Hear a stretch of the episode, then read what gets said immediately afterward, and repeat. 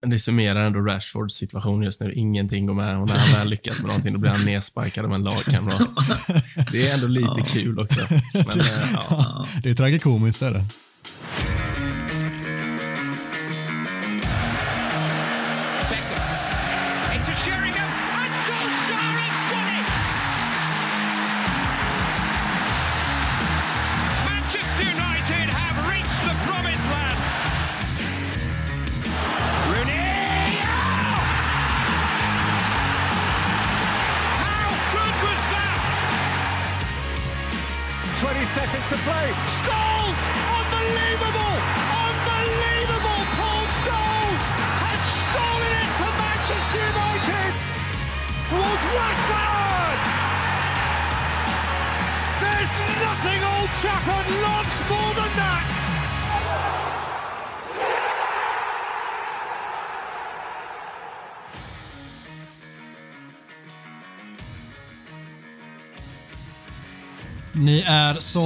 Alltid ruskigt välkomna till United-podden. Podcasten som du inte visste att du längtade efter. United-podden görs i ett stolt samarbete med både den officiella supporterklubben MUS och United-redaktionen på Svenska fans. Vi har ett helt, helt vanligt avsnitt framför oss och eh, glada, lyckliga Mackan sitter med oss. Stämmer eh, de, eh, den beskrivningen in på det Mackan? Ja, det tycker jag. Jag är alltid glad och lycklig.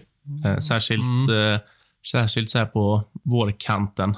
Även om vädret sviker lite så, så är ändå humöret på, på topp, tycker jag. Fan vad gött att höra. Och Gustav, du är aningen nykter den här veckan eller? Ja, får, får be om ursäkt förra veckan. får pu- pula på den tänker jag. Vi håller på att jobba med, jag och mitt PR-team håller på att jobba på en sån här Bruno Fernandes eh, ursäkt. vi, ska, bättra oss. Vi ska bättra oss. Men jag, är, jag saknar, saknar landslagsuppehållet annars. Det var härligt med landslagsuppehåll. Sitta och snacka nostalgi och gamla minnen. Så är vi tillbaka i verkligheten illa kvickt. Ska vi börja bara göra det på heltid kanske? Vara tillbaka till dåtiden. var så mycket bättre förr alltså. Så det är, nej, men jag vet inte, lite positivt har väl kanske hänt här i dagarna då. Man får lite framtidstro igen. Mm. It's no season like no season. Nej men visst, visst. Det, det är lite sånt som nästan behövs nu när Ja, åtminstone jag och jag vet att många andra känner så också att säsongen är lite halvslut. Även om man tittar på tabellen så finns det såklart är det i praktiken möjlighet att eh, knipa en topp 4-plats men många med mig känner ju att det är, eh, det är ganska kört och då har man inte jättemycket att motivera sig till men så kommer det lite positiva nyheter man börjar känna att man kanske kan börja titta framåt på nästa säsong och så kanske man ändå kan få lite energi från matcherna och se vilka spelare som ja, men får förtroende, kanske några unga spelare eller det är andra, andra typer av spelsätt som vi jobbar in nu när det av allt att döma är en tränare som faktiskt eh, kommer bli klar här ganska snart. Det är väl framförallt sånt man kan titta på, eller vad säger du man kan? Det, det är väl det enda man kan titta på egentligen, för matcherna är väl ingen idé att titta på. Jag mm, känner verkligen ingenting, vilket är, det är väl lite deppigt så, men eh, det kommer ju alltid en ny säsong och nya besvikelser, tänker jag. Ja, så är det verkligen. Har vi någon koll på Micke då, var han befinner sig eh, på vår platta jord? Ja, men sydligare breddgrader tror jag. Vi tror att han hade en ganska, ett ganska dåligt försök till att ha skidsemester först. Som inte blev av. Det var väl någon, jag kommer inte ihåg om det var corona eller om det var allmänt dåligt hälsoskick på Micke, Micke som person. Men det blev inte så mycket skidåkning tror jag i alla fall. Så då vände han vidare till Spanien istället. Tror jag. Där behöver man inte hålla på med sport. Så jag tror att han är i Spanien just nu. Med en paraplydrink i handen va? Kan man se framför sig faktiskt. paraply. Han har så stark paraplydrinks-aura, Micke. har han han känns som att han är så mysig och glad när han har en paraply. Alltså, han stoppar säkert en paraply i sin öl, tror jag. Liksom. Jag tror att han gillar det. Guldkant på vaden. Ja. Jag älskar paraply så mycket så jag slänger ner ölen. Det, det känns väldigt mycket, mycket kompatibelt faktiskt. Det känns väldigt mycket kompatibelt. Vi saknar honom lite kan jag känna nu. Nu har varit många veckor han borta. Jag känner att jag, liksom, eh, jag behöver höra från honom igen så att jag kan hitta nya saker att hacka, hacka på. Det var liksom för, för länge sedan han gav oss material att hacka på. Ja, det är tomt där just nu faktiskt. Vi får... Eh, Ja, ja. så kom tillbaka. kom tillbaka mycket är väl slutordet på inledningen av den här avsnittet va?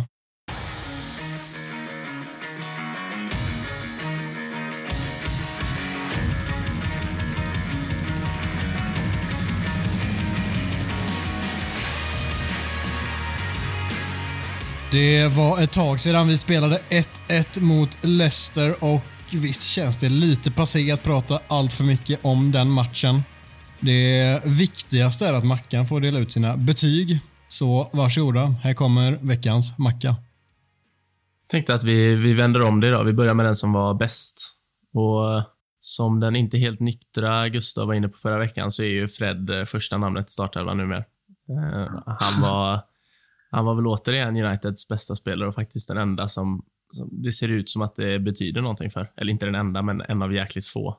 Så eh, ja, han var bäst, enligt mig. Mm. Göra mål också, kul. Det är alltid kul när han gör mål, för det... han ser ut som typ John O'Shea när han gjorde mål. Han vet liksom inte riktigt vad han ska göra. Och det, det gillar man ju. Ja, han är så fin. Han, blir, ju- han blir ju genuint lycklig och då blir jag genuint lycklig också. Ja, det är Ja. härligt. Men det är härligt att se hans vändning liksom, från att ha varit sånt jävla hackkyckling och hatobjekt lite i, i United-kretsarna. Så även om det känns som att han, han har inte fullbordat U-svängen än, men det är, han börjar få en respekt som han inte har haft under sina första tid i United. Och jag tycker han är alltså, fenomenalt bra hittills. Mm. Väldigt, väldigt bra. Alltså, både i Mm. press, pressspelet, passningsspelet och så nu även alltså, i eh, att han gör lite mål också. Jag tycker det är hur många gånger som helst han pressar fram bollvinst på typ sista tredjedelen eller på motståndarens planhalva. För att han är den som är på alla, alla kanter och pressar. Liksom. Så det är otroligt viktigt just nu. Ja, och dels har han fått ett uppsving i sina prestationer, men jag tycker inte uppsvinget är alltså, enormt sett till hur ändå många har svängt kring honom, utan det är nog bara att allt fler har börjat uppskatta och kanske förstå också vad det är han gör bra på matcherna och det, det gläder ju en att se. Jag har ändå stått i ringhörnan som har försvarat honom ganska länge och tyckt att han bidrar med mer än vad han får cred för och nu spelar han bättre och han får mer cred vilket är roligt att se. Med det sagt så tycker jag inte att det är liksom en superspelare som vi ska bygga hela laget kring men en, eh, en bra pusselbit och en, eh, en viktig spelare att ha i en trupp liksom och någon som man absolut kan starta i väldigt många matcher också om eh, matchbilden som förväntas eh, passar honom. Ja, väldigt så. Men det känns också som att kanske, kanske att alla andra har blivit lite sämre. Ja, så, så är jag det. Jag så att han, ser relativt bättre ut. Liksom. Han har inte blivit längre, alla andra har blivit kortare. Liksom. Och helt plötsligt så är han längst i klassen. Jag, jag kallar ju honom, var det, Uniteds sämsta ordinarie spelare någonsin i höstas där och det får man Det var ju, inte så länge sedan. Får man ju ta tillbaka. Men jag, jag, tycker, jag tycker att han har gjort, han kanske inte har varit så här helt fantastisk flera månader i rad, men jag tycker att han, det glappet mellan hans lägsta nivå och hans högsta har ändå minskat betänkligt. Samtidigt Mm. som andra Mm. ser ju mycket sämre ut också, så det, Ja. det hör väl till liksom. Absolut, prestationen har blivit jämnare. Vem har du satt på andra plats då? Jag, jag kommer att tänka på det här eh, när jag satt och pratade med mig själv här förut, som jag gör ibland, när jag vill ha kloka Just det, svar du är, du tillbaka. är sån ja. Nej, men att vi, när, vi startar den här podden så är det, det är en bra tanke liksom att ha bäst och näst bäst. En bra tanke att starta podden, vad menar du? Ja, det var dit du ville komma. Ja, eh, boosta oss själva lite. Nej, men att det, det, det är en fin tanke att ha bäst och näst bäst. Eh, särskilt när det är en podd om Manchester United som ska vara i toppen. Men alltså i majoriteten av matcherna United har spelat den här säsongen så är ju egentligen bäst, näst sämst och sämst mer aktuellt. För det är det. är sällan det är mer än en spelare som faktiskt är eh, ganska bra. Så nu, Ja, eh, nu kör jag på eget bevåg här. Näst sämst. Ehm, det var Rafael Varan. Jag vet inte riktigt vad han eh, höll på med förra lördagen. Ruskigt eh, svajig och inte alls den mittback som har spelat Real Madrid senaste tio åren. Han såg, eh, han, han ser liksom så jäkla stressad ut hela tiden när han har bollen och ja, inte riktigt bekväm. Och det är ju inte bara hans fel, det är ju hela lagets fel, men jag tycker att han han, han ser lite svajig ut nästan hela tiden och har faktiskt lite tur att målet där blir bortdömt. Det är frispark, men han, det är ju slarvigt liksom. Så han var näst sämst. Ja, nej, det kan jag instämma om. Så väldigt besviken på honom. Men det är, det är också så jäkla mycket så här, vem ska man hacka på i backlinjen? Framförallt i varje, om man tittar på alla mål, målsituationer vi släpper in, så känner man att här, här kan man hitta så många framförallt strukturella misstag i försvarsspelet så att man vet inte ens om man ska hacka på en, en person. Om man tittar på den där, den där raka backlinjen som vi har när de slår in ett inlägg Eh, Eh, till, till 1-0 målet där så känner jag den är ju fan rak som en banan alltså. Den är ju så jävla, det är liksom så, o, det är så obalanserat mellan liksom ytterbackarna och mittbackarna. Det är liksom de tre, tre backar som jagar i fel riktning när ett inlägg slås in bakom eller mellan, mellan backlinje och, och målvakt och det ska man inte kunna göra på högsta nivån i Premier League tycker jag. Men, men jag håller med, Varann var, ja, han var svajig rakt igenom. Riktigt, riktigt dålig dag. Mm. Han fick ju Maguire att se bra ut och det är en bedrift i sig. Men Maguire förtjänar ett litet plus faktiskt för jag tycker att han var Försiktigt oväntat bra. Oväntat bra. Och det, då har man ju låga krav från början men det var från hans sida var det bättre än på länge och det kanske var för att han fick möta sitt gamla lag och blev utbuad av borta supportrarna. Vem vet, kanske gjorde det någonting. Ja, man kan tycka att du ska få plocka fram den som var allra, allra sämst då. Smärta lite, men eh, Sancho. Ruskigt, eh, ruskigt svag insats. Det var inte... alltså. Ja, det var, det var fan ingenting som stämde. Det var, han såg... Eh, såg ut som att Rashford har smittat av sig lite där under eh, Det landslagsuppehållsträningarna. var nog inte bra att de Men- fick hänga för mycket ihop där under landslagssamlingsperioden när de inte var med. Nej, det var liksom... Han har ju faktiskt ett, ett bra läge där i slutet också. När han skajar den. Eller nej, han skajar den inte. Han, han typ sparkar... Jag vet inte vad han gör. Det summerar ändå hans match. Han lyckades inte med någonting. Varken passningar, dribblingar, skott. Eller hemåtarbete. Han höll ju på att bjuda och läste på... Var det 2-0 då när Iheanacho kommer fri där? Chippa. Ja, det är nog 2-0 i så fall. Ja, så det var inte... Nej, han var, han var ju... Det var fan pinsamt låg nivå faktiskt på hans insats. Ja, det är väl inte så mycket att tillägga egentligen. Vill du säga någonting mer Gustav? Jag instämmer härifrån i alla fall. Nej, jag instämmer. Jag tycker kanske lite, och det här har vi väl strukturellt eh, haft som från Grejer-podden här, att vi ger inte credit till, till vår målvakt. Men jag tycker de Gea hade absolut kunnat få näst bäst eh, ganska många gånger. För att han är ju, jag tycker han, han presterar ju på en väldigt, väldigt hög nivå vecka ut och vecka in. Och näst, det känns som att han alltid har minst en, ett expected goal som han räddar per match. Och även, även i den här en otrolig räddning på, minns inte vem det är som nickar, men den är ju, eh, där är han spänstig alltså. Och det, eh, vi kommer undan med blotta förskräckelsen här. Jag känner att det, det är sorgligt att se hur eh, dominanta Leicester är borta mot United. Det är inte ens liksom det här ett ganska Leicester dåligt Leicester ligan. också. Ja, det är inte, det är inte ligavinnare Leicester eller Champions League, eh, eh, liksom hugga på Champions League-platserna Leicester, utan det är det där gamla mittenlaget plus Leicester som eh, påminner lite om när jag var och såg, ja det var väl Aston Villa jag var på Old Trafford och såg här. Det var väl tidigt också när vi förlorade 1-0 va? och Bruno missade straff. Mm. Som också kände långa stunder då Aston Villa såg ut att vara det bättre laget och ha hemmaplan. Liksom. Så tycker jag det kändes lite i den här Leicester-matchen också, att det är oroväckande hur, hur odominanta vi är på, på Trafford i en sån här match. Jag är så jävla ambivalent när det kommer till det sker. Alltså, å ena sidan så är jag först att sällan mig led och säga att det är, till exempel räddningen mot Leicester är av högsta, högsta klass. Den är ju extremt vass den han har och han är en jätte, jättebra linjemålvakt. Och samtidigt så tycker jag att han har vissa brister som de här superräddningarna målar över många gånger också. Och det tycker jag är så jävla svårt att eh, jag har så svårt att placera honom liksom i min egna skalle, jag, hur högt jag faktiskt håller honom idag.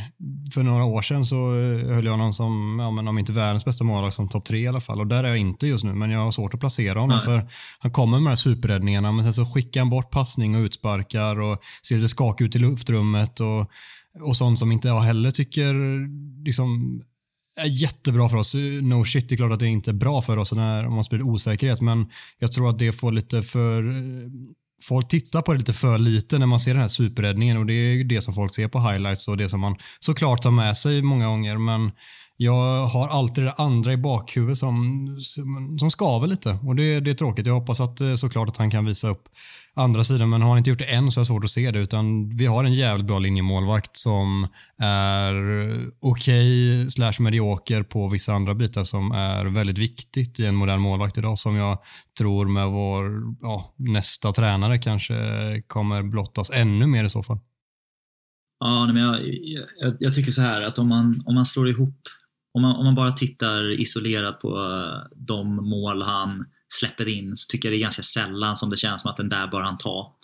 Eh, det händer ju, men ofta så tycker jag att ja, men han släpper in de bollar som man förväntar att han ska släppa in och sen så har han en extrem övervikt på att han räddar mål som man känner att den där hade gått in om det hade varit en annan målvakt. Så där tycker jag han har en total, total övervikt på plussidan. Sen så finns det ju ett stort mörkertal med vad han gör med stabiliteten med backlinjen, odominant i luft, luftspelet etc. Så det, det kan ju mycket väl finnas liksom fog för utvärdering där för att stabilisera försvarsspelet än mer. Men jag tycker om man tittar bara rent krasst på räddade Alltså räddade tokräddningar mot tabbar liksom, så är han ju extrem övervikt på tokräddningen, tycker jag. Ja, verkligen. Och så den här säsongen också framförallt har han ju plockat bort väldigt mycket misstag om vi bara jämför med Precis. ett år sedan. För då var det ju en hel del misstag. Det var ju säkert en fem sex mål som man kände att det här det här ska du göra så otroligt mycket bättre på. Och i år kanske det har varit en eller två, jag kommer inte på någon på rak arm, men jag vet att jag någon gång har känt att det här borde du gjort bättre på. Och det, så är det för alla mm. målvakter över en säsong. Det är klart att det kommer ett par sådana mål som man borde gjort bättre på. Men där har han gjort det bättre och så skottstoppning, liksom, där är han ju jättebra. eh, Kommer tillbaka på en väldigt, väldigt, väldigt hög nivå där. Och sen har vi den här osäkerheten som och det är svårt att veta som du säger. Det är ett mjukt värde som är väldigt svårt att uh, mäta, men det bör ju övervägas åtminstone. Absolut det jag nästan kan störa mig mest på är hans spel med fötterna. För det, det, Jag tror inte det att han inte kan. Det, det är för att han tror att han är så pass bra att han inte behöver fokusera. Det ser så jäkla nonchalant ut. Alltså det är många gånger han liksom trycker en låg sån sorkdödare som fastnar på första anfallare. Liksom. Och Det kan ju inte bara vara för att han inte kan skjuta, det är för att han inte fokuserar. Mm, det är också sådana smågrejer och typ sätter sina försvarare i problem för att han ska rulla ut eller sätta någon halvsvaj crossboll. Det är bara, vad fan. Spela efter dina styrkor istället. Det kan jag störa mig på. Och plus liksom ingen Pontus, har, har han någonsin varit utanför straffområdet under sin tid i United? Jag kan inte komma på en enda sekvens så jag tänker att han har varit ute och brutit en, eh, ett, ett liksom, en djupledsboll. Ja, jag tror han var ute mot City bortaplan där vi eh, förlorade ordentligt för några veckor sedan här och jag var i total chock när jag såg att han var ute och sparkade utanför straffområdet och det är typ enda ja. gången jag kan minnas någonsin att jag sett honom göra det och det var ju häpnadsväckande grejer som vi fick se. Ja, men om man tittar på andra sidan planen så känns det som att vi har ju faktiskt ändå ett jätteläge att kunna gå ifrån här med tre poäng ändå. Alltså, om inte, full, det är vår svenska Elanga här som, som bry, jag, jag, känner att det ja. där, den där skjuter ju, alltså den där tar ju Rashford, sätter han ju om han får, får, får avsluta på den liksom, kommer i fart. Och det gör han ju faktiskt. Jag tror verkligen det också. Och folk säger att ja. det är Rashford, han har bommat ändå. Men nej, alltså där, framförallt när han får lite självförtroende också att ta sig loss där på det sättet. Han skulle bara tryckt in den helt säker. Så det är, ja, så här, det, det, är svårt att blamea Elanga så otroligt mycket som vissa ut på sociala medier som det alltid blir. Men det är ju så jävla dumt. Alltså han måste ha lite jävla sinnesnärvaro där och inse att jag kanske inte ska försöka sparka på den här bollen. Han är väl offside också? Ja, ja han är både offside och sparkar ner en egen spelare. Liksom. Det är så mycket ja. fel på en gång. Det summerar ändå Rashfords situation just nu. Ingenting går med och när han väl lyckas med någonting då blir han nedsparkad av en lagkamrat. Det är ändå lite ja. kul också. Men, det, eh, ja. det är tragikomiskt är det. Ja. nej, men den segern skulle vi inte ha ändå kanske, så vi får väl, nej, eh, nej. Vi får väl ta poängen nu.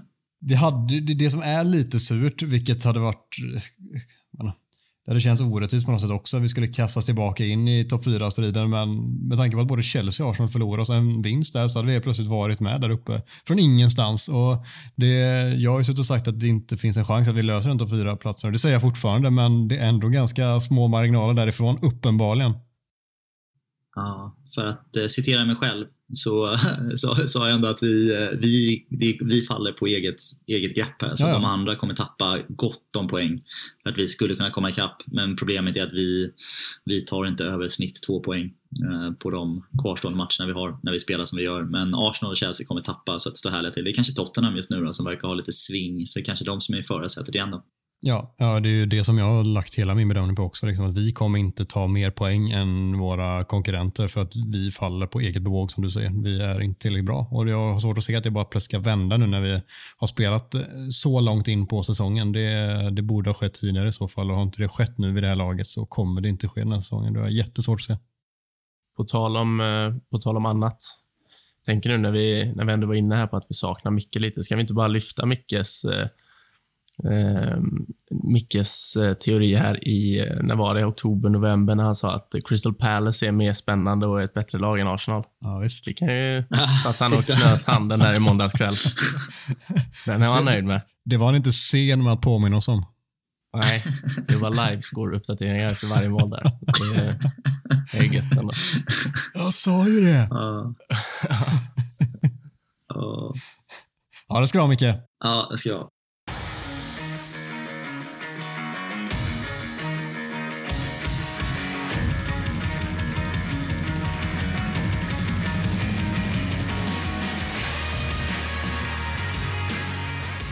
Succésegmentet Talk of the Town är tillbaka med fem påståenden med aktuella ämnen som vi helt enkelt diskuterar huruvida det är sant eller inte. Veckans första handlar om vår kära ägare. United vinner aldrig ligan igen så länge Glazers är ägare. Vad säger du Gustav? Eh, ja, nej, men här är jag ju ofta ganska, ganska ensam i att jag har lite nedtonad kritik mot, mot Glaciers ägande. Jag har stått i det, det ringhörnet här i ganska många år. Så det, egentligen ska jag låta er, kanske er hoppa in för jag tänker att ni har en annan syn. Men jag, jag tycker ju personligen inte att eh, Glaciers är det stora problemet rent prestationsmässigt på varför vi inte har tagit de titlar som vi hade önskat att ta här sen Sir Alex Ferguson. Eh, och jag bedömer det egentligen ganska, ganska krasst ekonomiskt på att de har eh, har puttat in tillräckligt mycket resurser. Eh, de får väldigt mycket kritik för att det är dyra låne, lånebetalningar och räntebetalningar på sina förvärvslån som de gjorde när de, när de köpte klubben. Eh, men faktum är att vi har fortfarande spenderat bland mest i Europa på, på transferfönster och har bland den högsta lönebudgeten i Europa eh, för att kunna konkurrera med de absolut bästa klubbarna. Plus att jag tycker att man har försökt att anställa de bästa tränarna som har funnits tillgängliga i alla lägen. Eh, sen så kan man diskutera att man borde ha en bättre sportslig ledning i Woodward. Men personligen så tycker jag inte att, eh, jag tycker inte att Glazers är problemet till varför vi inte vinner titlar. Utan jag tycker mer att det är en oförmåga av de tränarna som har förvaltat trupperna. Så jag tror absolut att vi kan vinna titlar igen med Glazers som vi faktiskt gjorde en gång i tiden. Eh, så jag tror inte att de är ett hinder för det. Nej, jag, jag håller faktiskt med här. Jag, jag är inte Glazers största fan på något sätt, men jag tror, eh, jag tror jäkligt mycket handlar om att få... Alltså det är klart att ägarna är en stor del i strukturen och sånt, men samtidigt, vad har, vad har vi haft för sportslig organisation sedan Ferguson lämnade? Liksom? Det har ju bara varit eh, bara chans hela tiden. Liksom. Lite, eh, bedrivs ju mer som en, som van Gaal så vackert sa, bedrivs mer som ett AB än en fotbollsklubb och det, det är väl okej okay liksom på sitt sätt, men då får man väl acceptera att det inte blir några titlar. Men... Vilka har satt klubben i den sitsen då? Jo, men det är väl en mix av alltihopa liksom. Men det är väl ägarna som har placerat den sportsliga ledningen och valt att fokus ska vara på att tjäna så mycket pengar som möjligt eh, och marknadsföring liksom. Jo, så absolut så är det ju. Så är det. Men det måste också finnas, om, om vi säger att Ed Woodward får den chansen och spenderar så pass mycket pengar som ändå har gjorts under de här åren. Ehm, så det, det, handlar inte bara om vilka som äger klubben eller vilken som tar besluten. Det handlar också om spelarna att prestera först och främst och, och att tränarna ska få fram någon typ av förmåga som faktiskt spelarna som tillhör klubben har. Det känns som att det har blivit så jäkla lojt och nonchalant och vi spelar för United, vi tjänar mycket.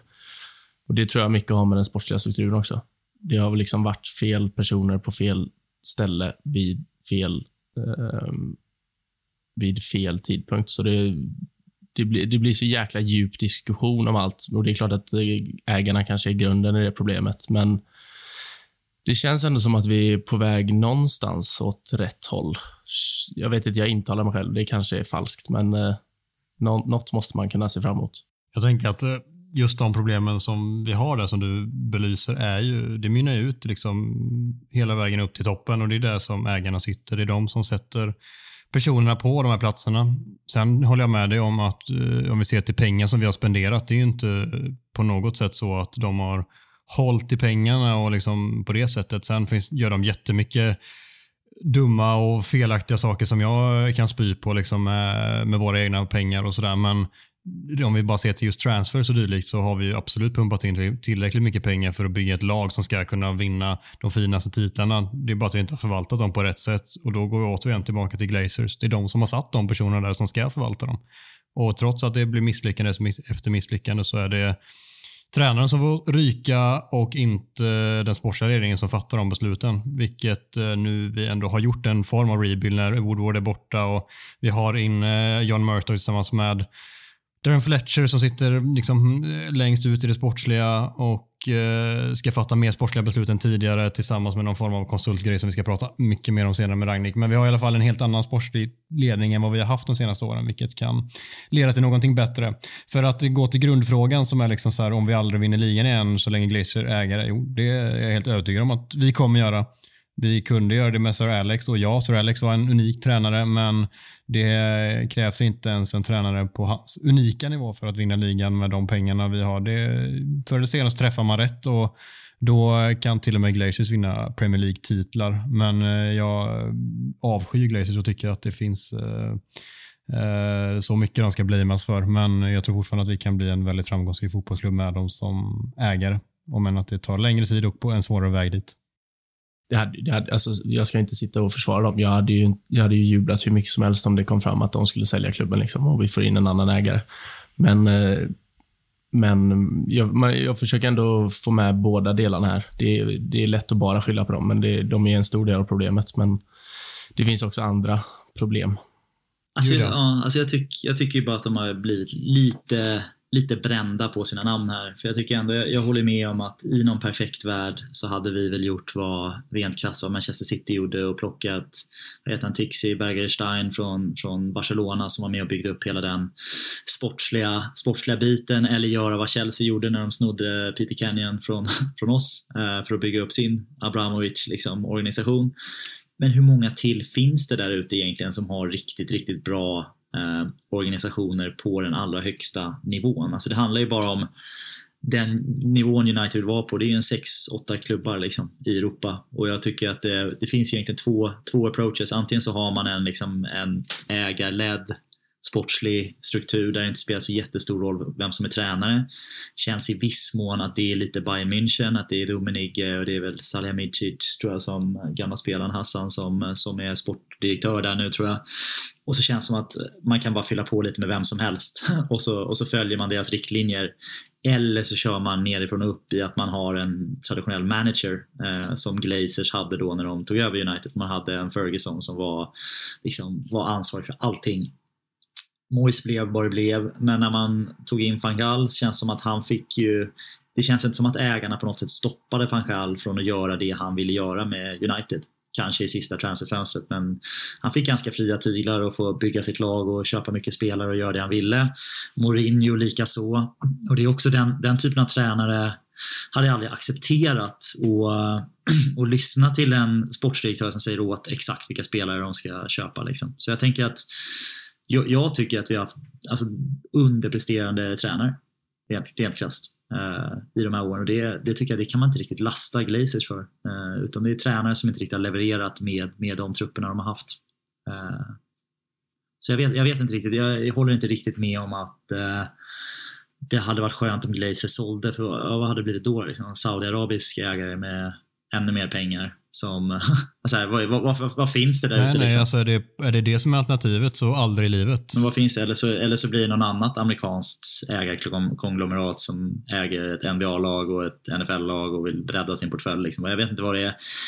Liksom, alternativet är ju inte fan fanägt eller supporterägt. Liksom. Om det hade varit det, det hade jag också velat ha. Jag har en helt, det kan vi hamna på, vad jag, vad jag tycker om liksom fanägda klubbar. Det hade varit fantastiskt, men där, där är vi ju inte. Så alternativet är ju någon annan superrik som troligtvis inte har mer fotbollskunnande men som har jättemycket pengar och sen så kanske att de sätter dit rätt manager. Då, tänker jag. Ja, men kanske att de har gärna nog i alla fall att inse att eh, vi själva kan inte styra så mycket kring det sportsliga för då kommer vi inte vinna fotbollsmatcher, vilket också kommer gynna oss i slutändan, utan sätta kanske rätt person under dem, vilket ju Glazers hade haft, eller har haft väldiga problem med sedan eh, 2013 liksom, och framåt. Alltså där jag menar att så här, har man inte så här, om man ändå går in och värvar José Mourinho eh, det var ändå så här, vi var väl alla i viss mån lite exalterade över Mourinho-förvärvet och lite exalterade över van Gaal eh, förvärvet tänker jag som tränare. Liksom. Då tycker jag ändå så här, man har ju, då har man bestämt att här är den som ska styra vår, vår sportsliga, sportsliga bit. Det här är den vi litar på. Och då är även Ed Woodward i, i viss mån har ju liksom tagit ett steg tillbaka och sagt att jag löser den kommersiella biten, jag fixar liksom tandkrämssponsorer i Indonesien. Står det härliga till. Så att ni har liksom en lönebudget att kunna värva tillbaka Paul Pogba för låtsaspengar. Och det har man liksom löst. Och så har man investerat i att köpa alla de här jättedyra spelarna med jättehöga lönerna för att sen säga att ah, men det sportsliga det är José Mourinho ansvarig för eller van Gaal eller Solskär här då senaste senaste åren. Men sen så har de inte lyckats med de, med de trupper de har haft. Så jag, jag, tycker att, det är ju, att problemet ligger där. Jag tycker de har gjort vad de, vad de förväntas. Självklart finns det mycket som ska läggas i alltså kritikväg mot tränarna, givetvis. Och eh, alltså i Mourinhos fall, han fick väldigt många nycklar och väldigt mycket av vad det han pekade på sen. Absolut, han fick inte sin sista säsong när han ville ha iväg Vissa spelare ville ha in andra. Han ville ha iväg Pogba liksom och tyckte inte att det funkade alls. Fick inte det utan så här, ja, absolut. Vissa, många tränare har motarbetat också men de har fått mycket de har pekat på i slutändan. Så jag tycker att det absolut ska läggas mycket kritik på tränaren också. Men jag tycker fortfarande att då tittar man hela tiden snäppet upp. Okej, okay, det är faktiskt de här som fattar besluten med vilken tränare som ska vara under och han misslyckas ju uppenbarligen. Då är det ju han som har valt att anlita honom. Och tittar man på vem är det som fattar de här usla besluten kring sportsliga? Jo, det är i slutändan Glacier som har valt att anställa honom på den positionen. Och givetvis så minner det igenom så är det, ju, är det kass på toppen så att det inte kommer bli superbra där nere. Men jag tror att de på något sätt börjar mer och mer inse att vi kanske inte kan ha sån, sån stenhård kontroll på det sportsliga som de har haft tidigare, att det kanske är viktigare att få faktiskt fotbollsmänniskor på de positionerna. Det känns i alla fall så. Jag kanske liksom vaggas in i någon falsk trygghet men jag känner så. Men det känns i alla fall som att de har börjat inse mer och mer. Och liksom grundfrågan var om vi kommer vinna igen så länge Glazers ägare och det tror jag verkligen att vi kommer göra. Det känns som att de har börjat förstå mer. Det känns som att vi börjar sätta lite, lite mer. Men att det kommer ta tid, men att vi börjar förstå, inse och sätta mer och mer. Men tidigare har det varit så här, liksom, vi har, det har varit en liksom, någon som försöker simma upp mot vattenytan med haft ett tungt jävla block av ankare liksom runt varsin ankel. Där, eh, det är liksom glazer som sitter där och bara håller emot där i botten och så försöker man simma upp där. Och De pengarna man lägger lägger man på att träna partymusklerna, liksom biceps och, och bröstet. Men eh, man tränar inte på benmuskler som faktiskt gjort att vi kanske hade kunnat simma upp hela vägen till toppen ändå. Ja, kanske det. Jag gillar en bra analogi så det är nästan att du får vinna på det. Men jag, jag, håller inte med i sak tror jag. Utan jag, jag, jag, tycker nog ändå att det är, Jag tycker de får alldeles för mycket kritik. Felaktig kritik tycker jag framförallt att de får. Och jag tycker att man är lite orealistisk i någon, någon sån här silver bullet som man pratar om. Att så här, en enkel lösning ska lösa ett stort problem. Det vill säga någon annan kommer in med minst lika mycket pengar och då kommer de vara så himla mycket bättre. Jag tror inte att verkligheten ser ut så. Men vi verkar ju alla vara eniga om att uh United kan vinna ligan så länge Glaciers är ägare. Jajamän. Jajebus. Redan nästa säsong va? Ja. Inga kommentarer. Skratt. Skratt. Skrattet får faktiskt uh, stå som svar på det. Mason Greenwood spelar aldrig en till match i Premier League. Mackan, jag tänker att du ska få börja här, men uh, folk tänker, jaha, har det hänt något nytt kring Mason Greenwood eller får prata om det nu? Utan, och så är det ju inte egentligen. Det har nog inte hänt någonting nytt med att han har synts till på något eh, typ av foto med någon skidmask på sin någon bil. Det är typ det. I övrigt så vet vi inte eh, så jättemycket mer än tidigare. Men vi känner också att vi inte har pratat om honom på ett tag och att det eh, kanske framförallt är så att vi inte har pratat om det sportsliga kring honom. Så därför tar vi ett litet, litet grepp om detta i alla fall nu. Mackan, vad säger du? Kommer han eh, spela någonsin i en Premier League-match igen? Nej, det kommer han inte. Det är väl det korta och korrekta svaret tror jag. Mm. Det är svårt att se, eller hur? Vilket lag vågar greppa i en sån, eh, vad ska vi kalla det? Jag menar, vad vi ska kalla det ens, men det är ju, liksom, det är sprängstoff att ta i det. Liksom. Det är omöjligt att röra vid. Nej, det är, det är ju ingen, det är ingen klubb som kommer ta i honom med, med tång. Eh, det tror jag inte. Jag, jag vet inte om ni plockar upp det här i, i januari med den eh, gamla Crystal Palace-anfallaren, jag tror han spelade i Palace, David Goodwillie, som gick till ett skotskt lag i andra divisionen och han har väl en liknande bakgrund. Jag tror att han dömdes för, eh, ja, det kan ha varit våldtäkt, men det var något i sexuellt övergrepp, den, den svängen. Eh, och det tog väl tre, fyra dagar så var han sparkad av klubben på grund av yttre påtryckningar och kritik från egna laget och damsektionen i klubben.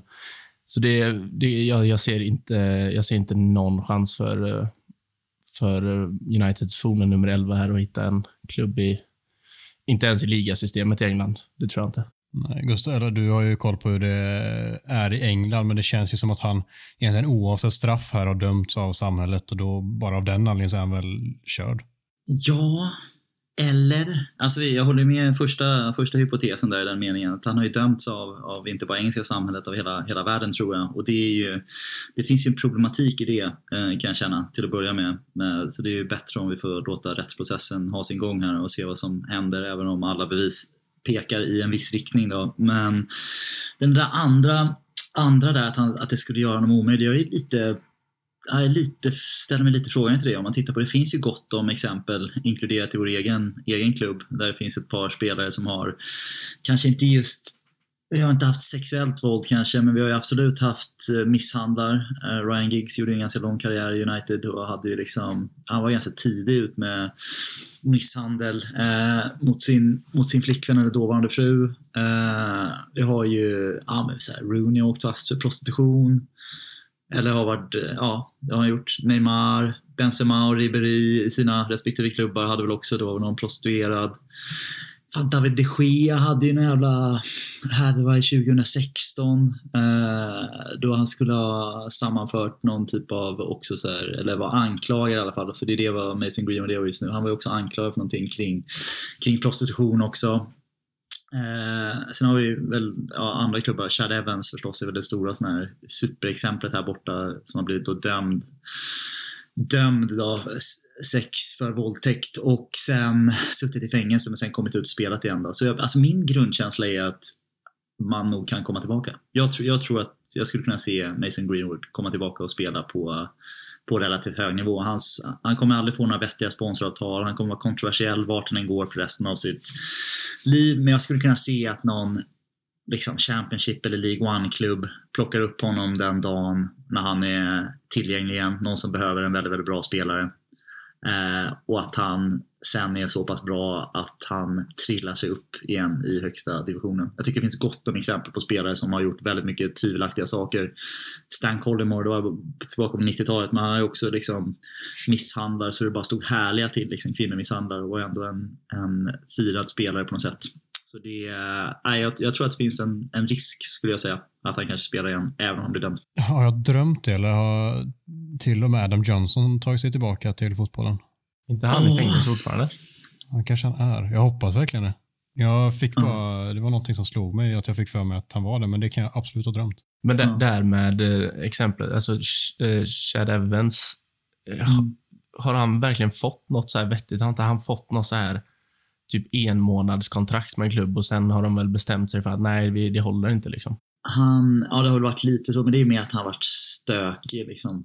Eh, jag tror att han hade, han har ju fått tillräckligt många chanser för att försöka, men sen så har han varit stökig som person tror jag. Så jag tror att han hade, och det kanske Greenwood också kommer vara en dag, vem vet. Men det är, jag tror, alltså han har ju fått, han har fått halvchansen liksom, men inte tagit den.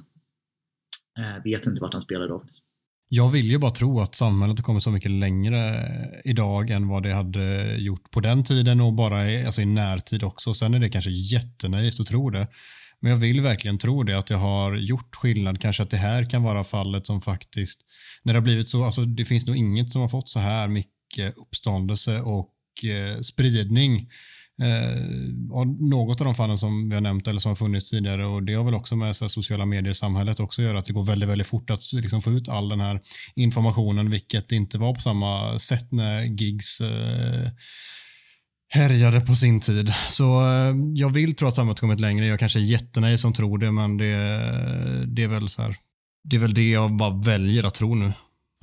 Jag, jag, jag är inne på ditt spår där Adam. Det var, jag skulle faktiskt säga det. Att det känns... Alltså det känns som en omöjlighet. Det, det kan mycket väl vara så att någon klubb i liksom Vanarama National League plockar väl upp honom, eller någon League 2-klubb, men jag, jag är jäkligt svårt att se att någon klubb i någon av toppligorna skulle ens överväga den, eh, den värvningen av honom. Jag, jag, kan inte, jag kan inte se det hända. Alltså jag, tror, jag, tänker, jag, jag tänker att det är en tvåstegsraket. Liksom. Och jag tänker, nu för det första är det jätteviktigt att vi säger att här, vi, vi pratar nästan som att vi utgår ifrån att han eh, har begått de här brotten och har blivit dömd, vilket vi förstås inte vet någonting om alls. Så det är bara rent spekulativt. Så vi spekulerar väl lite då i att det skulle kunna vara så att han har en, en lång period här då han inte ja, inte kommer spela för United och att hans kontrakt på sikt här kanske kommer brytas. Då. Eh, men, så det är, men det är ren spekulation, det vet vi ju ingenting om. Men min gissning är att skulle så vara fallet, att låt säga, han är fortfarande så pass ung, så säger jag om två, tre år, om han har då kanske sonat någon typ av straff eh, och med en bra PR-byrå som han har. Han har en helt annan talang eh, än vad en Chad Evans besitter så det finns säkert folk omkring honom som är villiga att investera i hans karriär fortfarande. Eh, skulle jag, jag, skulle kunna se att man, han skulle kunna bli placerad någonstans, ja, men som sagt, typ i ett Championship eller ett League One. Göra det så pass bra där, rentvätta sitt namn lite genom bra, bra beteende, bra uttalanden under en säsong eller två för att sen bli ett open target för, för någon i Premier League som känner att så här, antingen så går han upp med ett Championship-lag och gör en Premier League-match eller så eh, är det någon som värvar honom för man känner att nu har det gått så mycket, runnit så mycket vatten under broarna att nu spelar det ingen roll. Han kan ju liksom, det kan ju vara om sju år. Han är 25-26 liksom. Så det, det kan vara hur mycket tid som helst. Och sen kan jag väl också personligen känna, det, det blir en väldigt, väldigt stor diskussion om vi ska gå in på det, men eh, alltså om man om man sitter av sin strafftid, liksom, hur ska, hur, vad ska man bedömas? Ska man inte få jobba sen efter då eller? Är man fortfarande en brottsling? Vilka typer av jobb ska man få göra och vilka jobb ska man inte få göra? Jag förstår att han inte ska ha sponsoravtal där han där han liksom eh, gör reklam för kvinnojouren. Liksom. Men jag, jag, kan ju ifrågasätta i vilken mån han eh, ja, inte skulle få spela fotboll om han har, jag vet inte. Men det, vet, det blir en moralfråga vilka klubbar som vi tar i honom. Liksom. Ja, jag tycker inte att den, om han blir dömd för detta, vilket mycket talar mot, men vi vet inte i dagsläget, men om han blir dömd för detta, får sitta av ett långt straff, så tycker inte jag att den typen av människor har en plats i fotbollen. Jag, jag, jag tycker verkligen inte det. Oavsett om man har känt mm. av sitt straff, då får han jobba med någonting annat. Han ska inte få det rampljuset, uh, vara att potentiellt kunna bli en förebild för folk för att han gör en massa mål. Jag, jag vill inte Nej. se det. Jag, det. Det är inte min fotboll så som jag vill ha den. Nej, men jag köper det. Nej, nej, jag håller med. Sen, sen eh, som du var inne på, vi har, väl inte, alltså vi har väl egentligen inte ens nämnt bara rent det, den spelaren, Mason Greenwood, som, som såklart har kommit i skymundan av helt förklarliga skäl, men det, det var ju alltså det, fan, eh, det, fan, det var en stor sorg i mig länge över att vi hade förlorat den spelaren. Människan skiter jag fullständigt i och vill inte ha honom närheten av klubben, men spelaren Mason Greenwood har varit alltså, min absoluta favoritspelare de senaste tre åren. Så det är, det är klart att man har saknat honom och United har saknat honom ganska mycket i många matcher. Så det är, det är ett tapp i sig också, bara spelaren Mason Greenwood. Liksom. Och Det är rimligt att vi tar det allra, allra sist, liksom, prata om det, men det är också någonting som jag tror att alla någonsin har, eller någon gång har tänkt på. Liksom, att det, man kan ha liksom två bollar i luften samtidigt och tycka att det är för jävligt i piss och det är eh, såklart att han inte ska ha någonting United att göra framöver. Man kan också känna att fan, det är en jävla spelare som vi går miste om och tycker det är jävligt tråkigt att det, det också är så. Nej men verkligen. Jag, är bara, jag, jag driver min, min grundtes här på huvudfrågan är att om man mm. skulle spela igen, att det finns, det finns alltid någon jävla klubb som, som plockar en sån här spelare om talangen finns där. Ja, tyvärr gör det. Eh, och, och, det finns gott om spelare med eh, ja, lite dåligt förflutet i ligan redan som det är och även i vårt lag just nu som det är, som vi vet.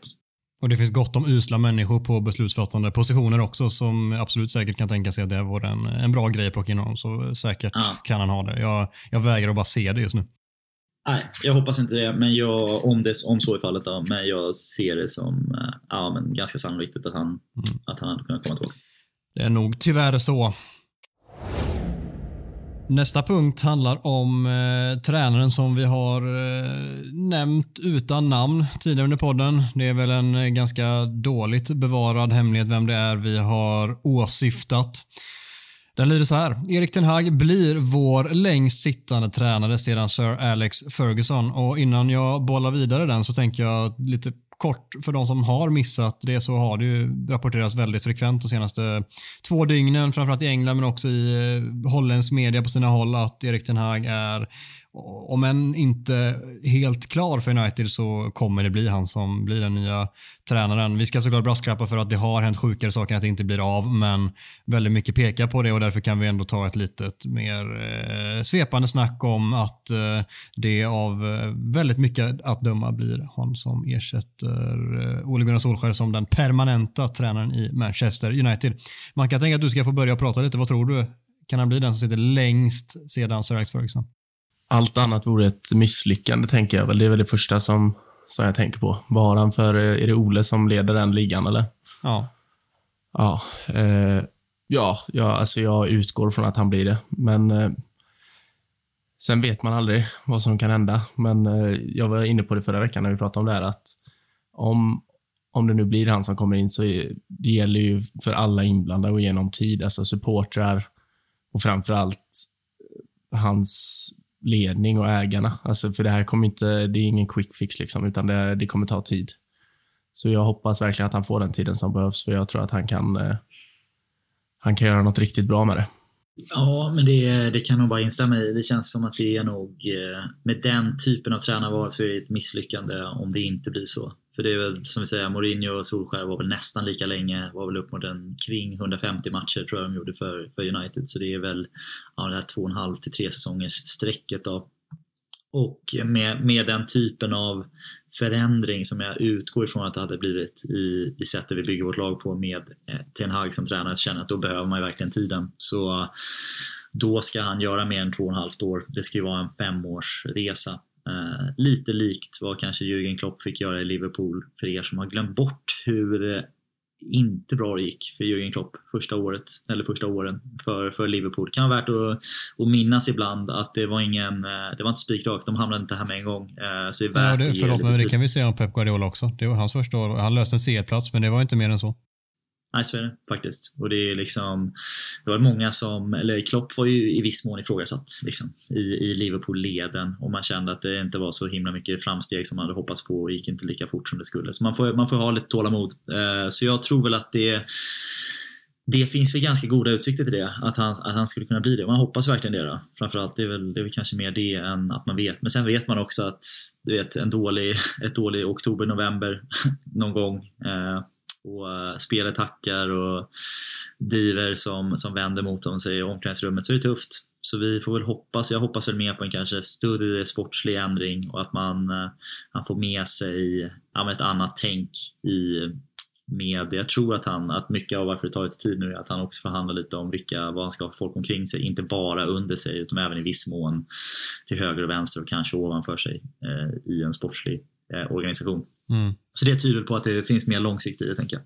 Ja, ja, och jag så här, anställer man Erik Ten Hag som tränare nu så kan man ju inte tänka att det ska vara en quick fix. Det, han är ju inte en quick fix. Han, eh, visst, han har gjort det bra i sina tidigare klubbar första säsongerna, men det har alltid varit långsiktigt tänk och han har liksom byggt en, eh, en plattform att stå på även efter hans tid där. Och det är ju det som är tanken nu med Erik Ten Hag. Han ska komma in får göra sin grej med laget och hans fotboll är en ganska bra bit ifrån det vi har sett också de senaste åren.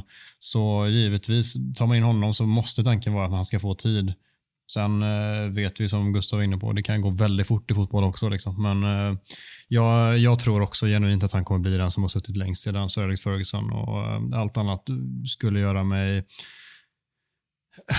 förvånad höll jag på att säga, men vi vet inte våran, alltså, hur vår sportsliga ledning funkar och hur vår liksom, ägare är. De, de kan pulla trigger väldigt snabbt emellanåt också, men jag tror verkligen att det kommer bli så och eh, det kittlar mig väldigt mycket. Jag lovar eh, er lyssnare att vi ska ta ett ordentligt eh, tag om Erik Ten Hag så snart som han, eh, liksom, ja, men, om, eh, om inte är 110% klar så i alla fall är 99% klar. Vi kan väl säga att han just nu är 85-90 typ. Så eh, när han närmar sig lite, lite mer så lovar jag, då ska vi köra ett ordentligt snack om honom och eh, landa i någonting väldigt, väldigt spännande för det här är en eh, ruskigt, ruskigt intressant tränare. Nästa punkt är som en påföljd på den föregående om Erik Den Hag. Rio Ferdinand som player manager skulle vara en succé. Den är, den är svår. Jag, jag tror ju inte det. Jag tror det är för mycket känslor där liksom och att det kan brinna av lite kors och tvärs att han kanske inte är riktigt så samlad som han skulle behöva vara i en sån roll. Jag, jag... Kan, vi, kan vi pausa här känner jag så här att vad är, vad är en player manager? Är det, jag, Ja, jag, jag ser bara, en- jag ser bara Marcus Albeck framför mig i landslaget. Det är den enda, det är den enda Ja. player manager. Det var han som skickade smsen liksom, till, eh, till grabbarna. Kolla, kolla läget. Är det, är det Ja. man gör som, Ja, men som gå runt planen Vad och ska man? vara lite skön typ. Jag vet inte riktigt. Eh, han, är, han verkar väl vara skön Rio Ferdinand så sätt, men ja, jag vet inte. Det, det är ju såklart det är Micke som har tänkt denna va? Måste det vara? Det här är en riktig jävla 100%. Micke-fråga. Alltså. Ja. Kommer direkt från, eh, från, från stranden i Spanien med en Ja. jävla paraply i ölen. Ja, nej, player manager är oklart, men att han skulle ingå i, eh, på något sätt då i tränarstaben är väl egentligen frågan.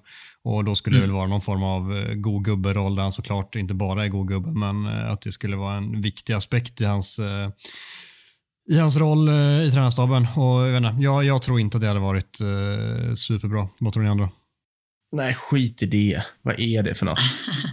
ja, men, ärligt talat. Vad är det? Har inte United än i Mike Phelan nu då? Vad gör han? Han sitter med shorts på bänken och är lite god gubbe liksom. Ska vi, inte bara, ska vi inte bara stryka den rollen och gå vidare? Vem hade du Tycker jag. helst fått ett sms av för att kolla läget? Mike Phelan eller Rio Ferdinand? Eller Marcus Albeck? det är Ja, Mackan det är- va? Mackan vill ha ett från Mackan. Ja, han är ju en gammal idol, Albeck. Oh, ante mig. Ante Jag hade mig. faktiskt han som idol när jag var liten bara för att han heter Marcus i förnamn. Fattar du hur platt unge man var då eller? Ja. Jag skulle vilja säga att du har mognat sedan dess, men vi går vidare nu. ja, jag, ska försöka, jag ska ändå försöka ta ett litet grepp om det här. Jag tycker att, eh, jag håller med om att Rio Ferdinand är lite effektsökande och känns ju kanske lite, lite över emotionell och mer som en kanske tv-studio-personlighet än en, en, en exakt. del av United. Men, men, så kan jag känna att är det, är det någonting jag känner som är lite avsaknad i United sen Fergusons dagar så är det någon typ av rätt typ av kulturbärare Ehm, för att föra med någon typ av United-kultur för att återigen anknyta till vad jag sa om Bayern München som har gjort det väldigt bra genom åren att man alltid har liksom man har alltid en vinnande generation med sig i alla i alla generationsskiftningar man gör i, runt om i ledningen och runt om i organisationen och det kan jag känna att United har gått fel på. Först gick man liksom hela jävla class of 92 skulle vara med ett tag där. Eh, liksom stod vid, vid sidan när, när Giggs var lite interim för, och Phil, vad heter det? Phil Jones? Det. Phil Neville kom tillbaka med, med David Moyes. En dag kommer Phil Jones tillbaka som kulturbärare. Det var en profetia. Det var här ni hörde det först. Det ni vill det man först. se. det vill man se. Men, eh, men jag tycker att man har hela tiden försökt att ha de här, de här eh, karaktärerna, eh, vinnarkaraktärerna vidare. Carrick har haft, det- han har haft det stora ansvaret nu. Men jag tycker att man har haft fel, fel spelare faktiskt. Och jag tycker inte riktigt att de har tillfört på det sätt man har. I dagsläget så har man har man tre stycken före detta spelare tror jag i organisationen om jag inte räknar fel. Vi har ju Mike Phelan som ni säger gammal medioker spelare, så han är väl mer av en tränare än en spelartyp. Darren Fletcher då, som nu verkar ha en sån här hybridroll. Då. Han kom in som någon typ av teknisk direktör, också oklar roll. Eh, men nu sitter han på bänken, verkar det som. Och är väl lite mer i någon typ av coachingstab också då, dessutom teknisk direktör. Och sen så är det för er finlirare där ute så har vi även Michael Clegg, för er som kommer ihåg honom. Han är fy- fystränare, gamla högerbackstalangen som inte gjorde så många matcher för United. Någon Du kan säga att det är rätt snubbe att ha där då? Det är, det är väl kulturbärare om någon. Ja, det är verkligen en kulturvärvning. Det är en fin värvning tycker jag faktiskt, Michael Clegg. Men det, jag känner att eh, en, en Ferdinand hade jag gärna, jag hade hellre sett honom än en Fletcher, Michael Carrick, eh, Gary Neville, Ryan Giggs.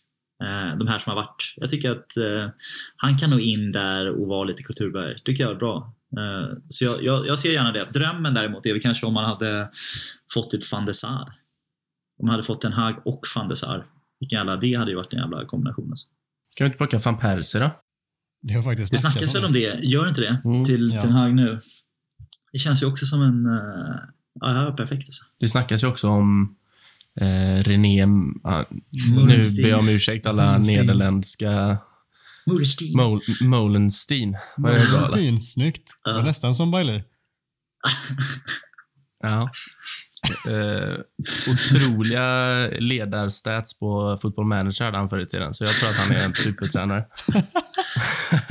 Det är Molenstein. Ja, vad, hur har det gått för honom sen, sen han lämnade? Jag vet inte ens vilken tid han lämnade, men han var ganska länge med Ferguson. Det har gått utför tror jag. Som för United. Ja, jag har gjort det. Kanske ja, våra vägar ska korsas igen då. Nej, men hellre det än eh, Carlos Queiroz kanske. det vill man inte ha. Nej. Nej, men jag tycker, jag tycker verkligen att vi, ska, vi borde ha fler, fler kulturbärare. För jag tror att ett av våra stora problem är att vi inte har, vi har inte en bra vinnarmentalitet, vinnarkultur i väggarna längre. Och eh, jag tror inte att Darren Fletcher och Michael Carrick är rätt personer. Med all respekt för det de gjorde och stor beundran för det de gjorde eh, på fotbollsplanen. Så det känns inte som den typen av Rio Ferdinand, Roy Keane, eh, psyken som jag skulle vilja ha i, i väggarna i kulturen i United.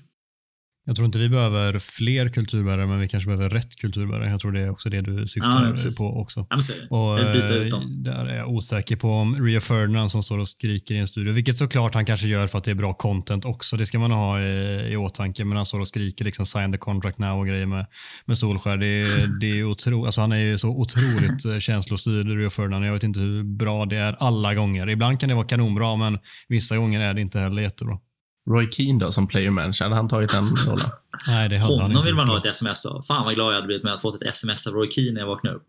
Hur läget? Ja. Fan, då hade jag Min, mått bra alltså. Mindre typ, eh, ja nu i och för sig är det spelare som kommer lämna, men jag tänker så här, det finns ju fler spelare som är av den kvalisorten.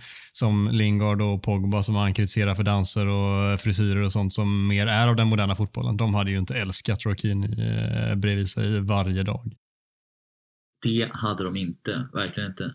Nej, men jag, jag, tror, jag tror att det finns någon typ av respekt för Rio Ferdinand eh, för att han var ett superproffs eh, och har en, en liksom vinnarskalle som vissa andra saknar. Som jag tror att han, han skulle kunna fylla någon typ av funktion. Eh, så jag, jag har inte haft någonting emot honom. Nej, vi är helt enkelt eniga då. In med Phil Jones. Vi har en sista att eh, riva av. Den kommer gå rätt fort, men vi kör den i alla fall. Donny van de Beek får nu en andra chans i United och den åsyftar då såklart på att Ten Hag är på väg in och den förutsätter att han kommer komma in. Tror vi att han får en andra chans då? Mackan, vad tror du? Ja, ja. Han, eh, så fort uppgifterna kom ut där igår så eh, sprang han runt och jula i huset. Han var ju... Eh, det var, det var en glad Donny för första gången på länge, tror jag. Han var han kommer, ju, han kommer ju garanterat få, få chansen att visa att han, att han ska få stanna kvar. Det, det är jag rätt säker på. Han kommer få chansen oavsett. Sen om, det, om han tar den eller inte får vi se. Men det är ju en tränare som han känner och en tränare som känner honom som hade stort förtroende för honom. Så givetvis kommer han få en andra chans. Sen om han tar den eller inte återstår att se. Det är väl också en tränare som har berömt honom typ fem, sex gånger efter försäljningen också, om jag inte är helt ute och cyklar. Ja, försvarat honom. Så, ja. Ja, jag, i min semantik tänker jag. Jag känner så här, för att få en andra chans måste man ha fått en första chans. Liksom. Fick, fick, fick, fick. Donny någonsin förs, första chansen i United, känner jag. Jag bara den här, var, inne, var tvungen in och kolla lite. Den här säsongen då, så var jag ändå, han var ju på våra böcker fram till februari. Då, han var ändå, han spelade 60 minuter totalt. Så en, tim, en timme spelade han. Utspritt över hur många matcher? Åtta matcher. Ja. Han spelar alltså så. mindre än 10 minuter i snitt per match. Nej, ofattbart dåligt. Ofattbart Det är helt, helt otroligt liksom, dåligt. Eh, Men så vad jag- kom inte, kom inte han in i paus mot Watford? Jo, han gjorde, och det, det här är det sjuka då. Då är alltså en av de här matcherna spelar han 45 minuter. och sen så är det alltså sju andra sju matcher. är en kvart. 15 liksom. minuter. Ja, 15 minuter på sju matcher. Det är sant alltså. Otroligt. Jag satt och räknade ihop minuterna. Det var en, en, två, fyra. Ja, Det var liksom helt...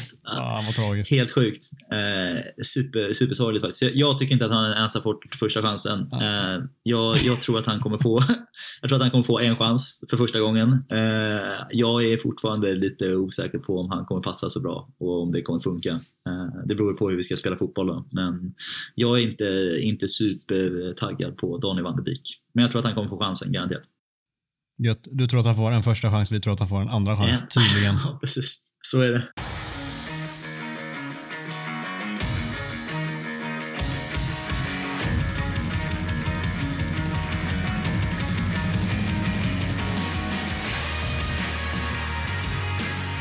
Härnäst väntar Everton på bortaplan på lördag klockan 13.30. Hur går tankarna inför den drabbningen, Mackan? Först och främst hatar jag som sagt 13-30 matcher. Jag tror jag har nämnt det tre, fyra gånger i podden. Det är bara Micke som gillar de avsparkstiderna. Det är liksom det är upplagt för, eh, för att förstöra hela helgen-känslan. Så eh, det är min första känsla och det är alltid härligt att tänka så inför match. Eh, sen är andra känslan att eh, Everton just nu är bland de sämsta lagen i Europa. Så eh, då lär de väl vakna till liv på lördag och eh, göra sitt livsmatch. Så det, nej jag vet inte, jag, jag är fan inte positiv inför den här matchen. Jag, jag är inte det. Det är tråkigt, men så är Vi det. är jättebra på, alltså, när vi möter lag som kommer från en tung period så är vi jävligt bra på att boosta upp dem igen och ge dem en, eh, en självförtroende-boost. Och det kommer ju ske nu också med usla Frank Lampard som tränare. Gustav, du ska få köra Everton-kollen. Ja, det ska jag göra. Nej, men jag, känner, jag känner mig lite positiv, pirrig, förväntansfull. Tycker det ska bli kul och... Nej, jag skojar. Det känns så jävla... så jävla dött där just nu. Eh, och det, sen satt jag ändå och kollade 90 minuter mot Burnley här. Och jag, vet, jag sa ju till dig innan att det, eh, de ser inte bra ut West Ham, eller ser inte bra ut Everton alls. Eh, det är liksom riktigt, ja, ser riktigt dåligt ut. Skulle absolut kunna ryckas in i den här bottenstriden nu, vilket verkligen får mig att känna att det kommer gå dåligt i, i helgen. Vi är en riktig sån här springbräda för, för dåliga lag att studsa på. Men, eh, men ska vi köra lite snabbt då, vad, vi, vad vi har på dem? Jag gillar ju att rycka igenom lite statistik. Så kan vi börja med att konstatera de senaste matcherna. Då. Vi har de senaste sex matcherna så har vi spelat oavgjort fyra gånger. Eh, 1-1 tre gånger. Hälften av eh, de senaste sex matcherna har vi spelat 1-1. Eh, vi har faktiskt bara förlorat en av de senaste 15 matcherna. Men när vi väl förlorar, som vi förlorar, eh, fyra- fy- 4-0 med, med Ole Gunnar Solskjaer 2019. En av han, han har ju ett par sådana där dippar alltså, som är, ja, man sliter sitt hår. Så det är en match man gärna vill glömma tänker jag. Eh, spelsystemmässigt, Frank Lampard känns som att han har ju en jätteutmaning här med ett sjunkande Everton. Verkar som att han fortfarande försöker att hitta lite rätt formel för hur han ska ställa upp här sina styrkor. Han har laborerat ganska friskt. B- Bara senaste fyra matcherna tror jag att han har haft tre olika uppställningar. I 3-5-2 i en 5-0 förlust mot eh, Tottenham, en 4-2-3-1 eh, när de slog Newcastle med en man mer och sen så två stycken 4-3-3 matcher här, eh, bland annat i förlusten mot, mot Burnley här i veckan. Eh, så vi vet inte helt enkelt. Vi får se vad den gode Lampard hittar på på lördag. Eh, vad gäller spelare att hålla koll på har vi förstås United-bekantingen Michael Keane som styr upp backlinjen. Han har gjort flest matcher för klubben eh, den här säsongen. Saknas väl en riktig målskytt, eh, vilket alltid är ett problem eh, för, för bottenlag känns det som. Men Richarlison har gjort sju mål som bästa målskytt i Everton. Det talar väl lite om vad problemet ligger kanske för klubben.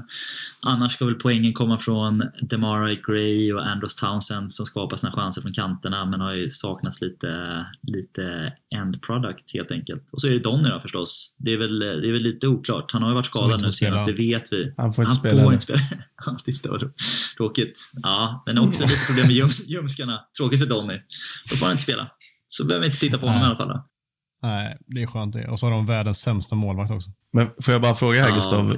Du som, du som tog dig igenom 90 minuter av Burnley-Everton. Det är ju värt en applåd nästan. Men Fem mål. också- det är ju mer än vad vi har skrapat upp någonsin. Ja, jo, det är ju i och för sig sant. Men startar Mason Holgate på ett defensivt mittfält i Everton? Eh, Eller är han mer av en tredje mittback? Ja, precis. Alltså han, han utgick ju typ från, från som defensiv mittfältare. Ja, det, det säger, då kommer man ju åka ur Premier League. Då, Det kan ju vara... precis så. Ja. Är det, den, eh, är det topp tre eller botten tre sämsta fotbollsspelare i Premier League?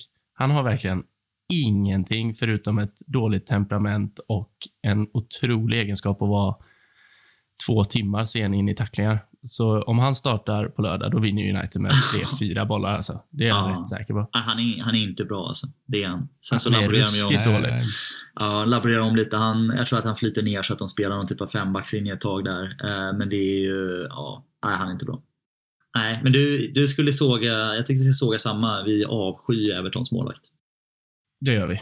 Det gör vi. Ja, Pickford är ju Pickford. alltså. Men lika mycket som jag avskyr Ja. eh, Evertons första målvakt gillar jag deras andra målvakt i eh, Asmir Begovic. Honom gillar vi alltid alltså. Just det, det är Hur skön är inte han? Fan vad han har varit runt. Han är jävla riktig journeyman. Ja, visst. Tre meter lång och ja, han glidar runt. Ja, Tyvärr har han Chelsea på kontot bara. ja, det skulle vara det då. Precis. Men det är... Nej, så vi får se. Men det är... Ja, vi får se vad det kan bli här i helgen. Men det ska vi tippa på 1-1 då kanske.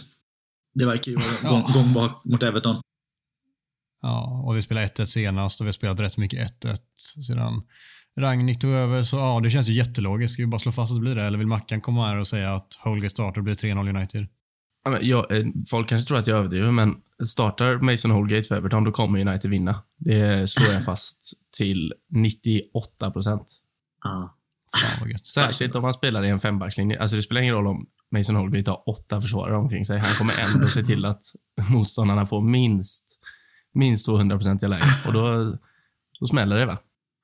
Ja, Då för er som är det. 18 plus och tycker om att spela på spel så är väl det bara att hålla utkik då efter om Holgate står i Everton startelva. Jag har ett ännu bättre spel. Alltså det är alltid överodds på det här. Nu blir det spelpodden, men eh, skit i det. Första inkast. Eh, Vad vet du som vi inte vet, Mackan? nej, det, det brukar alltid vara överodds på, på gula kort. Och Mason Holgate kommer ta gult kort om han startar. Så lägg in en liten tv-slant på det och jobba in den tillsammans. Det blir trevligt. Fint. Gult kort på Holgate och United eh, vinner matchen om han startar. Ja. Ja, Vackert. har en dubbel. Vem gör Uniteds eh, mål då? Så du säger 1-1. Jag säger också 1-1, men eh, vi får välja ut varsin målskytt tänker jag. Ja, men Telles kanske. Oj. Det var extremt oväntat chans. Det bara kom till mig faktiskt. Jag tänkte inte på det. Den bara, jag bara, nu körde jag magkänsla. Oh, Telles. gött. Ja.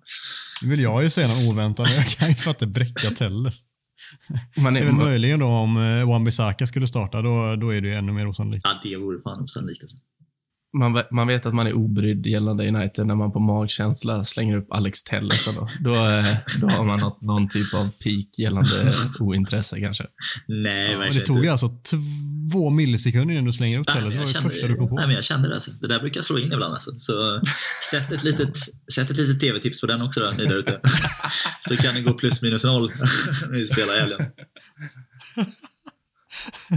Ja, jag, jag följer bara, jag ryggar bara ditt tips där om eh, Telles målskytt. Det, det lät gött. Kör på det. 1-1, det är uppenbarligen jättegångbart.